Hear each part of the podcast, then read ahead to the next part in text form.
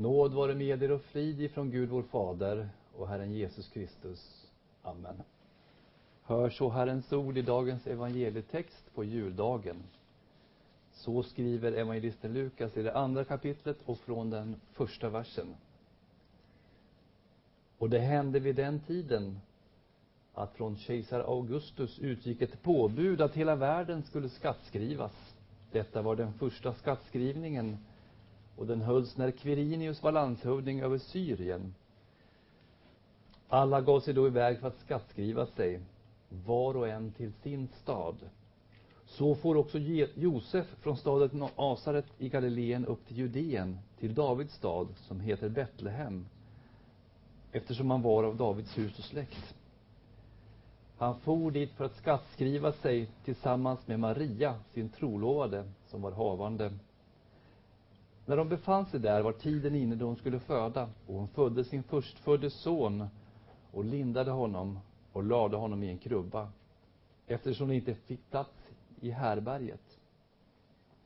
I samma trakt uppehöll sig några herdar som låg ute och vaktade sin jord om natten. Då stod en Herrens ängel framför dem och Herrens härlighet lyste omkring dem och de blev mycket förskräckta. Men ängeln sa, var inte förskräckta. Se, jag bär bud till er om en stor glädje för hela folket. Ty idag har en frälsare blivit född åt er i Davids stad. Och han är Messias, Herren. Och detta är tecknet. Ni ska finna ett nyfött barn som är lindat och ligger i en krubba.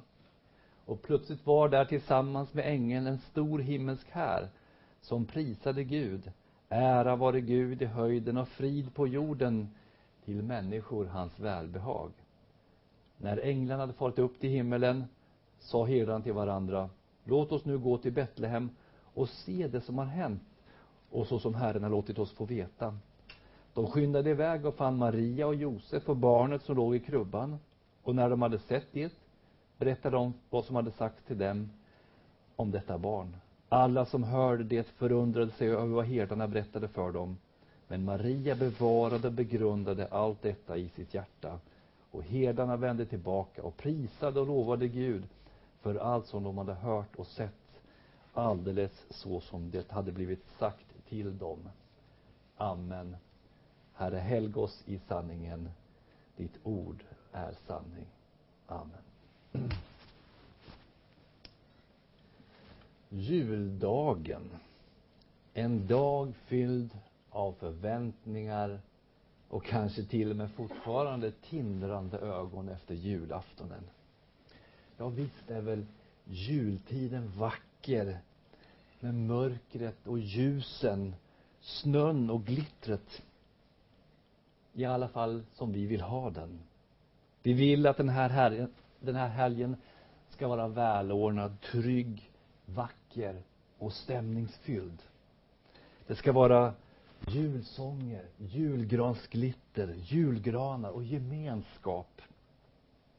Vi ska vara trevliga mot varandra och säga snart, snälla saker till varandra.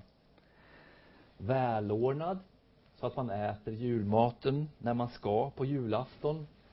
Kanske med olika ritualer för olika familjer. Man kanske tittar på Kalle Anka, man läser texter, man delar julklappar med varandra. Ja, idag har vi läst julevangeliet. En berättelse många av oss hör varje år. En vacker, ljus och välordnad berättelse. Eller? Är det verkligen så? Kanske ska vi öppna våra ögon och öron och se och höra att det, kanske inte är så. Vi lever inte i det välordnade, alltigenom ljusa. Vi lever i en röra, i en värld av kaos. Vår värld är inte så söt och rar som vi önskar. Det finns problem. Och vi har alla problem. Just idag förlorar människor livet i Afrika och i Östeuropa av brist på mat och vatten. Ryssland ockuperar ett land, Ukraina, som inte ligger längre ifrån oss än det nordligaste av Sverige. I Syrien och Irak så jagas yazidier och kristna från sina hem av islamister. De torteras, våldtas och dödas. Och i Sverige så har vi ingen fullt fungerande riksdag. Därför att politikerna inte har lärt sig att göra det mest grundläggande, att prata med varandra. Och tittar vi ut så, så ser vi snö här. Äntligen. Sen ett par dagar tillbaks. Men vi kanske, om vi tänker efter ett par dagar tillbaks och påminns, så kanske några av oss vet att 2014 blev det varmaste året sedan mätningarna påbörjades 1961 och klimatavtalet som undertecknades i kvartal för ett par veckor sedan för att minska utsläppen av växthusgaser gav väl inga lysande resultat, eller hur? Det ser ganska illa ut. Men ska vi verkligen tala om detta på juldagen? Ska vi inte tala om hopp och om glädje? Men de här ganska besvärliga bitarna finns också i julevangeliet. I berättelsen om glädje och hopp. Oreda, smuts, ofrid, våld och kaos. Och utan de här gråa och svarta nyanserna så förstod vi kanske inte riktigt glädjen och ljuset i julevangeliet. Vi lever inte i den vackra världen helt och hållet, även om vi önskar så. Inte ens i jul. Polisen i Uppsala har extra personal för att man vet att julhelgen är en extra stökig helg. Många omhändertas för våld och fylleri just under julhelgen. Också i jul lider människor, inte alla har familjer. Många är ensamma, kanske är olyckliga. Och så långt så sitter vi kanske i våra bänkar och nickar. Vi kanske till och med lägger några kronor i Röda Korsets sparbuss, eller insamlingsbussa. Vi kanske lägger huvudet på sned, nickar och suckar. Vi håller så lätt med och vi nickar med så länge vi pratar om andra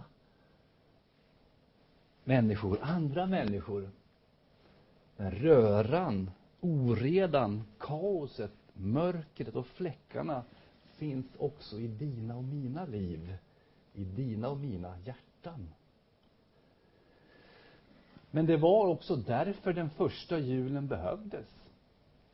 Det var också därför Jesus Kristus kom hit ner till jorden och föddes som människa. Vår oreda finns i alla saker som vi vet att vi bör göra och borde ha gjort, men som vi inte gör. Och alla de saker som vi inte gör, som vi borde ha gjort. Det första budet i Guds lag, att vi ska älska honom över allting och vår nästa som oss själva. Det handlar om vad vi bör göra.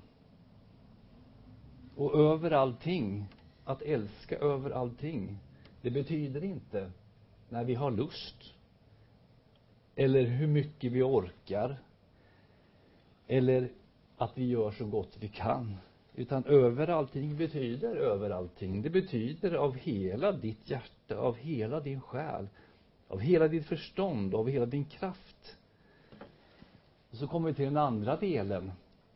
Det är inte lättare att älska din nästa, din medmänniska, som dig själv. När jag var liten så trodde jag att det var möjligt. Jag visste ju att Gud hade sagt i sin lag, du ska älska din nästa som, som du själv. Och jag ville verkligen lyda Guds lag. Så jag satt och så tänkte jag så här, jag älskar alla människor just nu. Men kärleken, den sitter ju inte i huvudet framför allt. Den sitter inte ens i hjärtat framför allt. Om man läser Bibeln. Utan om man läser Bibeln så sitter kärleken i handlingen. Kärlek är inte vilka fina ideal man har, utan kärlek är vad man verkligen gör för sina medmänniskor. Och då blir det ju ganska besvärligt, eller hur? Och där finner vi oss själva i oredan, med brutna löften, med brustna relationer, med misslyckandet med att göra det vi vet är rätt och som Gud förväntar sig av oss i sin lag. Och ibland låtsas vi som om allting är okej, okay, men det är inte det. Och även om vi till och med ibland lyckas lura oss själva att det är ganska bra, så kan vi aldrig lura Gud. Men hur rörig och kaotisk vår värld än ter sig, så valde Jesus, Guds son, att födas in i vår värld. Han som är fullkomlig kärlek, fullkomligt ljus och rättfärdighet. Gud kom till vår stökiga värld och till oss misslyckade människor. Många av oss lägger tid på att snygga till, försköna och pynta vår jul. De flesta av oss tycker om, jag tycker om, glitter, ljus och tindrande ögon. Men låt oss inte glömma att den värld som Jesus föddes in i sannerligen inte var glamorös. Han föddes inte i den stad som Maria och Josef skulle bo i, utan han fick födas på resande fot. I Betlehem. Han föddes inte i ett hem eller i ett hus, utan i en plats där man har boskap. Och alla som har varit det är kanske några av oss som har varit i ett stall eller i en laggård. Vi vet ju att det är ett ställe som är smutsigt och som stinker. Jesus är kung. Och vi tänker oss att en kung ska ju födas av välbärgade föräldrar i palats eller slott. Jesu fosterfar Josef var en snickare. Josef och Maria hade färdats till Betlehem från Nasaret inte för att fira jul, som kanske en del av oss har fått för sig. Staden var fylld med folk, står det. Men det var inte på grund av festligheter. Nej, romarrikets kejsare hade utfärdat ett påbud, påbud om skattskrivning. Det var alltså människor som kanske inte var så gladlynta, utan de var ganska arga och besvärade när de, den romerska ockupationsmakten tvingade dem att registrera sig för att kunna betala skatt till kejsaren i Rom. Det var inte så muntert. om man hade försökt få tag på ett härberge, alltså ett vandrarhem eller ett, ett hotell. Men överallt så var det fullbokat och därför hamnade de i ett stall han, här förebådas vad skriften säger om att han var i världen och världen hade blivit till genom honom. Och världen kände honom inte. Han kom till sitt eget och hans egna tog inte emot honom. Detta skulle prägla hela hans liv. Hans egna judiska stamfränder, de ville inte ens ha med honom att göra. När han hade talat i synagogan eller rensat templet så fick de judiska ledarna bråttom att försöka göra sig av med honom. Människor gjorde inte rum för frälsaren Jesus i sina hjärtan. Och vi kanske minns texten om när Jesus kallade människor att följa honom. Någon sa, jag vill följa dig vart du än går. Och Jesus svarade honom, rävorna har lyor och himmelens fåglar har bon, men människosonen har inget att vila sitt huvud emot. Det fanns folk som av olika skäl ville följa honom. Men de kunde inte skapa plats för honom i sina kalendrar. Låt mig först gå iväg och begrava min far. Låt de döda begrava de döda, säger Jesus. Och precis som vid sin födelse så fick Jesus ibland luta sitt huvud i det fria.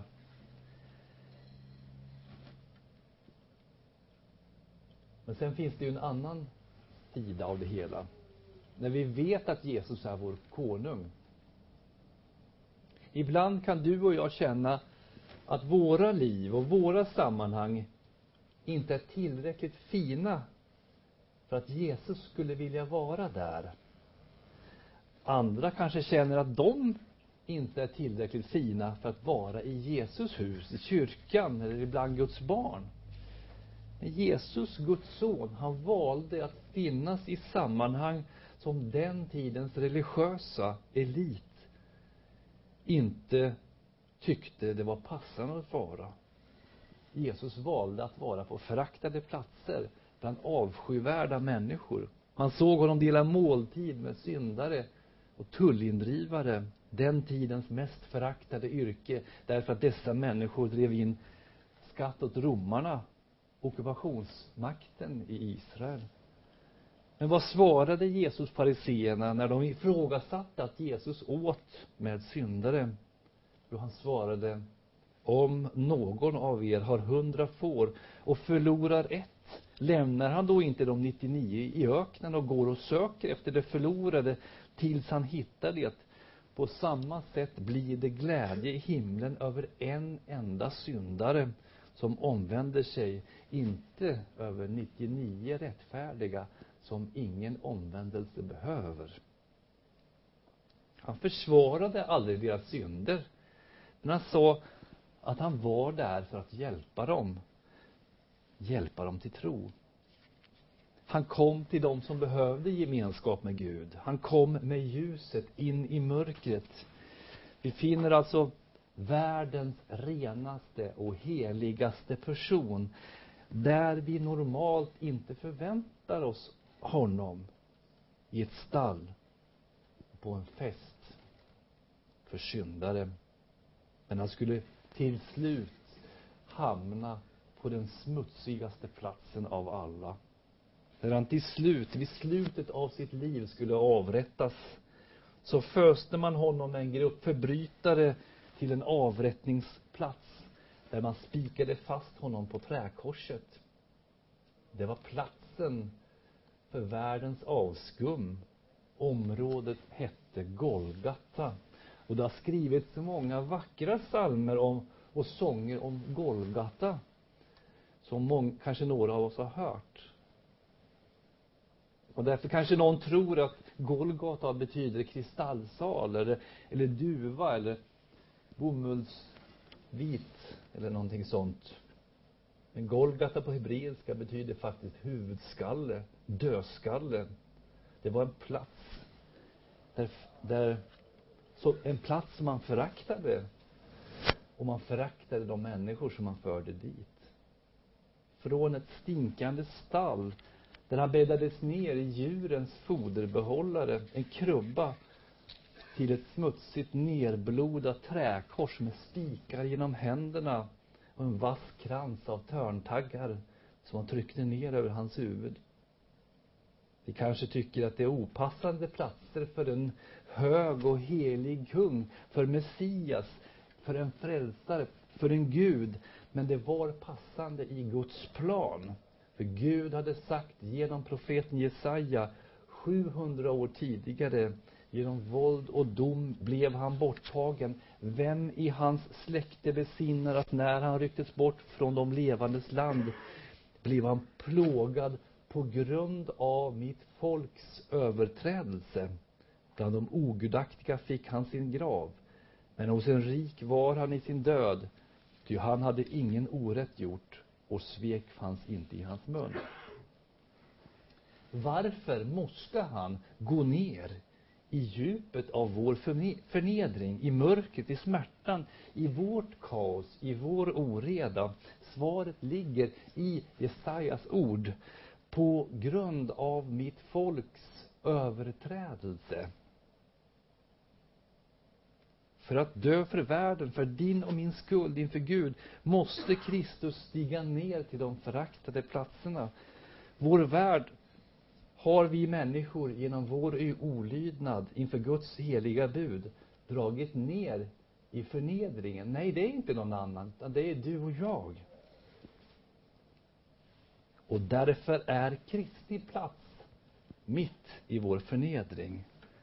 Därför är Kristi plats i krubban i stallet, bland de fraktade och på korset. Det är för Guds son den bästa platsen. Ser vi inte Kristus på korset så ser vi honom inte heller i krubban. Han är där för att han vill vara där. För vår skull. För att frälsa oss. För att rädda oss ur vår förnedring, vår synd, vårt kaos. Och när han föddes där i natten utanför byn Betlehem så befinner sig några herdar där, läste vi, som vaktar sina får. Och tänk att de här människorna, herdarna, de betraktades på grund av sitt yrke, sin, eh, sin hantering av djur och deras avföring och smutsen som rituellt orena om de inte tvättade sig och renade sig. Kanske var det därför de sov ute om natten utanför byn.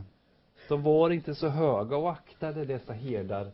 Inte bildade, inte lärda, inte kända eller briljerande, inte rika och ärade. Men de skötte troget hand om, de skötte troget sina får och vakade över dem dag och natt.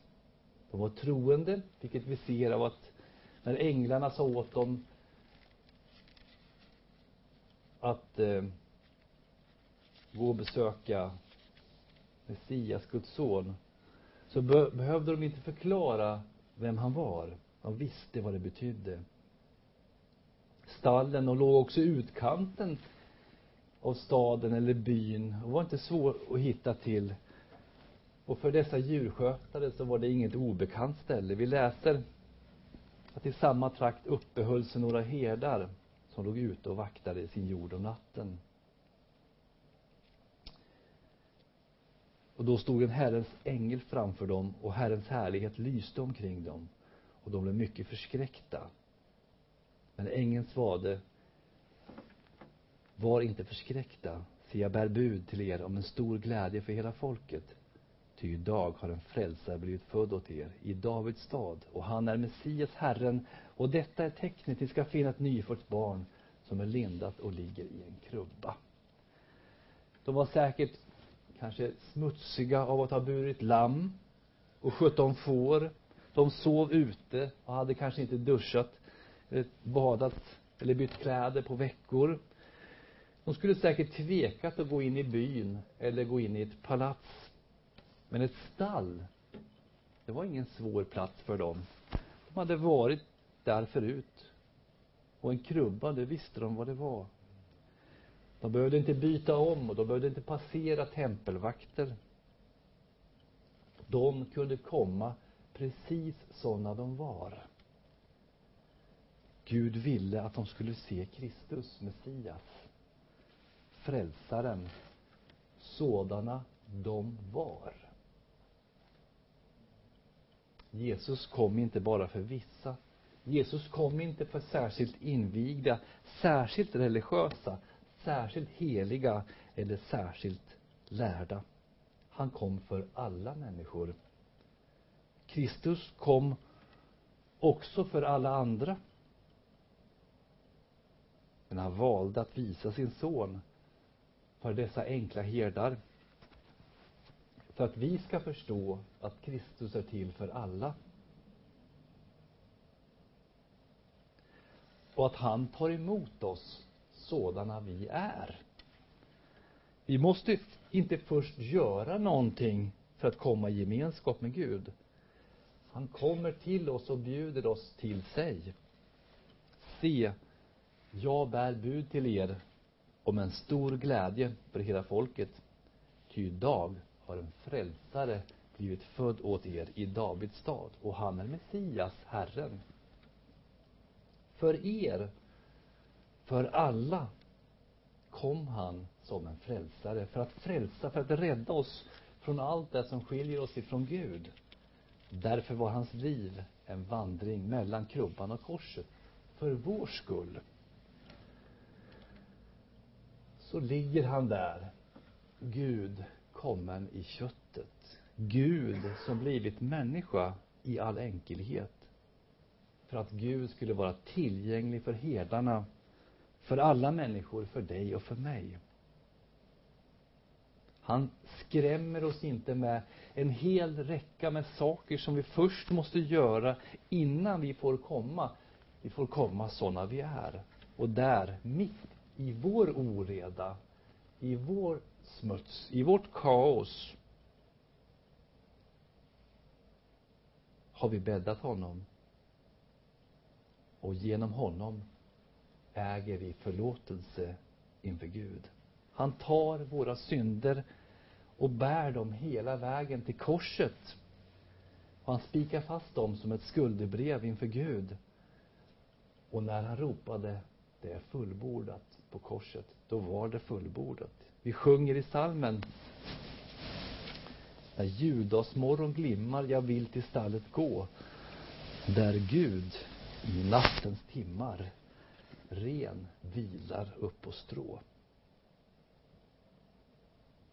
Mitt i människans värld vill Gud låta sig finnas. Inte ouppnåeligt, inte gömt bakom slöjor, utan mitt i våra liv. Och så dukar vi Herrens heliga nattvard i vår mitt. Här kommer Kristus till oss med sin sanna kropp och sitt sanna blod, gömd under enkelt bröd och vin. Vi har sjungit med i Änglasången idag, som vi sjunger varje söndag. Samma sång som göd i julnatten för 2000 år sedan. Ära åt Gud i höjden och frid åt världens folk. Mitt i vår oreda, vårt eget kaos, vår vilsenhet och vår skuld låter sig Kristus finnas. Han kommer till oss i vår mitt, i vår högmässa, i våra liturgiska sånger, i textläsningarna, i psalmerna och i predikan. Här målas han för våra ögon. Ljuset från hans gudomliga härlighet får lysa in i vårt mörker och lysa upp med ett ljus som lyser starkare än alla juleljus. Ljuset handlar om att Gud är en nådig Gud för Kristi skull. Att Gud förlåter och förklarar oss rättfärdiga. Att Gud tar våra synder ifrån oss och sonar våra brott på korset. Vår egen död jagas bort när Kristus går ut ur graven på den tredje dagen. Vi kanske somnar in en dag. Men för dem som är herdarna med Josef och Maria och med de vise männen glatt se åt en frälsare som är född åt oss i Davids stad så blir döden ingen mörk dag utan att förena sig men vår vän och frälsare Jesus Kristus som försonat oss med Gud. Hade herdarna inte lyssnat till änglarnas budskap, då hade de inte gått till stallet och till Betlehem. Och då hade de inte heller fått erfara glädjen av budskapet om vår frälsare Jesus Kristus. Det står att herdarna vände tillbaka och prisade och lovade Gud för allt som de hade hört och sett alldeles som det hade blivit sagt till dem. Det var inte så att alla gladdes åt det här budskapet. Herodes smidde planer på att döda Jesusbarnet när han var nyfödd. De flesta förkastade Kristus som frälsare. Ja, vi läser ju, den som tror på honom blir inte dömd, men den som inte tror är redan dömd. Vi har, har alla idag kommit hit. Vi har kommit till gudstjänst, till kyrkan, där Jesus är nära oss genom evangelium i ord och sakrament. Vi har fått höra samma budskap som Josef och Maria och herdarna och att Gud har kommit till oss mitt i vårt elände för att frälsa och förlåta oss. Kommer vi också att vända hem prisande och lovande Gud, glada över allt vi har sett och hört, Överallt som sagts till oss genom evangeliet. Ja, om vi har den sanna julens glädje, då är det för att vi inte bara har hört, utan också har trott och tagit emot glädjens budskap i våra hjärtan. Då kan vi, mitt i vår trasighet, säga till oss själva. Han kom för mig. Han lades i stallet för min skull. Han vandrade de 33 åren på jorden för min skull. Han spikades på korset för mina synders skull. Och han gick ut ur graven på samma sätt som jag en dag ska lämna min grav eller möta honom levande vid hans återkomst. Om det är vår tro, om det är vad våra hjärtan litar på, ja men då gör vi precis som herdarna. Då prisar och lovar vi Gud för allt vi har sett och hört. Tycker någon av oss att det här budskapet är svårt att förstå? Det är okej. Okay. Du är inte ensam. Evangeliet är ingenting som man kan förstå helt och fullt med sina förstånd, med sina förnuft, med sitt intellekt. Men hjärtat kan ta emot det som man inte kan förstå och ändå lita på att det är sant. Vi läser så fint i dagens text. Alla som hörde det förundrade sig över vad herdarna berättade för dem. Men Maria bevarade och begrundade allt detta i sitt hjärta. Och i 1917 års översättning så stod det att Maria gömde detta i sitt hjärta. Och det, eh, just den här, de här orden förekommer på ytterligare ett ställe. Där det står att Maria gömde i sitt hjärta. Och det var också ett sammanhang där det var någonting som var nästan obegripligt. Tänk att man kan gömma i sitt hjärta budskapet om Jesus. Man kan tro och lita på det utan att helt förstå det. Låt oss idag ta emot av glädjens budskap och begrunda det i våra hjärtan. Idag har en frälsare blivit född åt er i Davids stad. Och han är Messias, Herren. Amen. Låt oss bedja.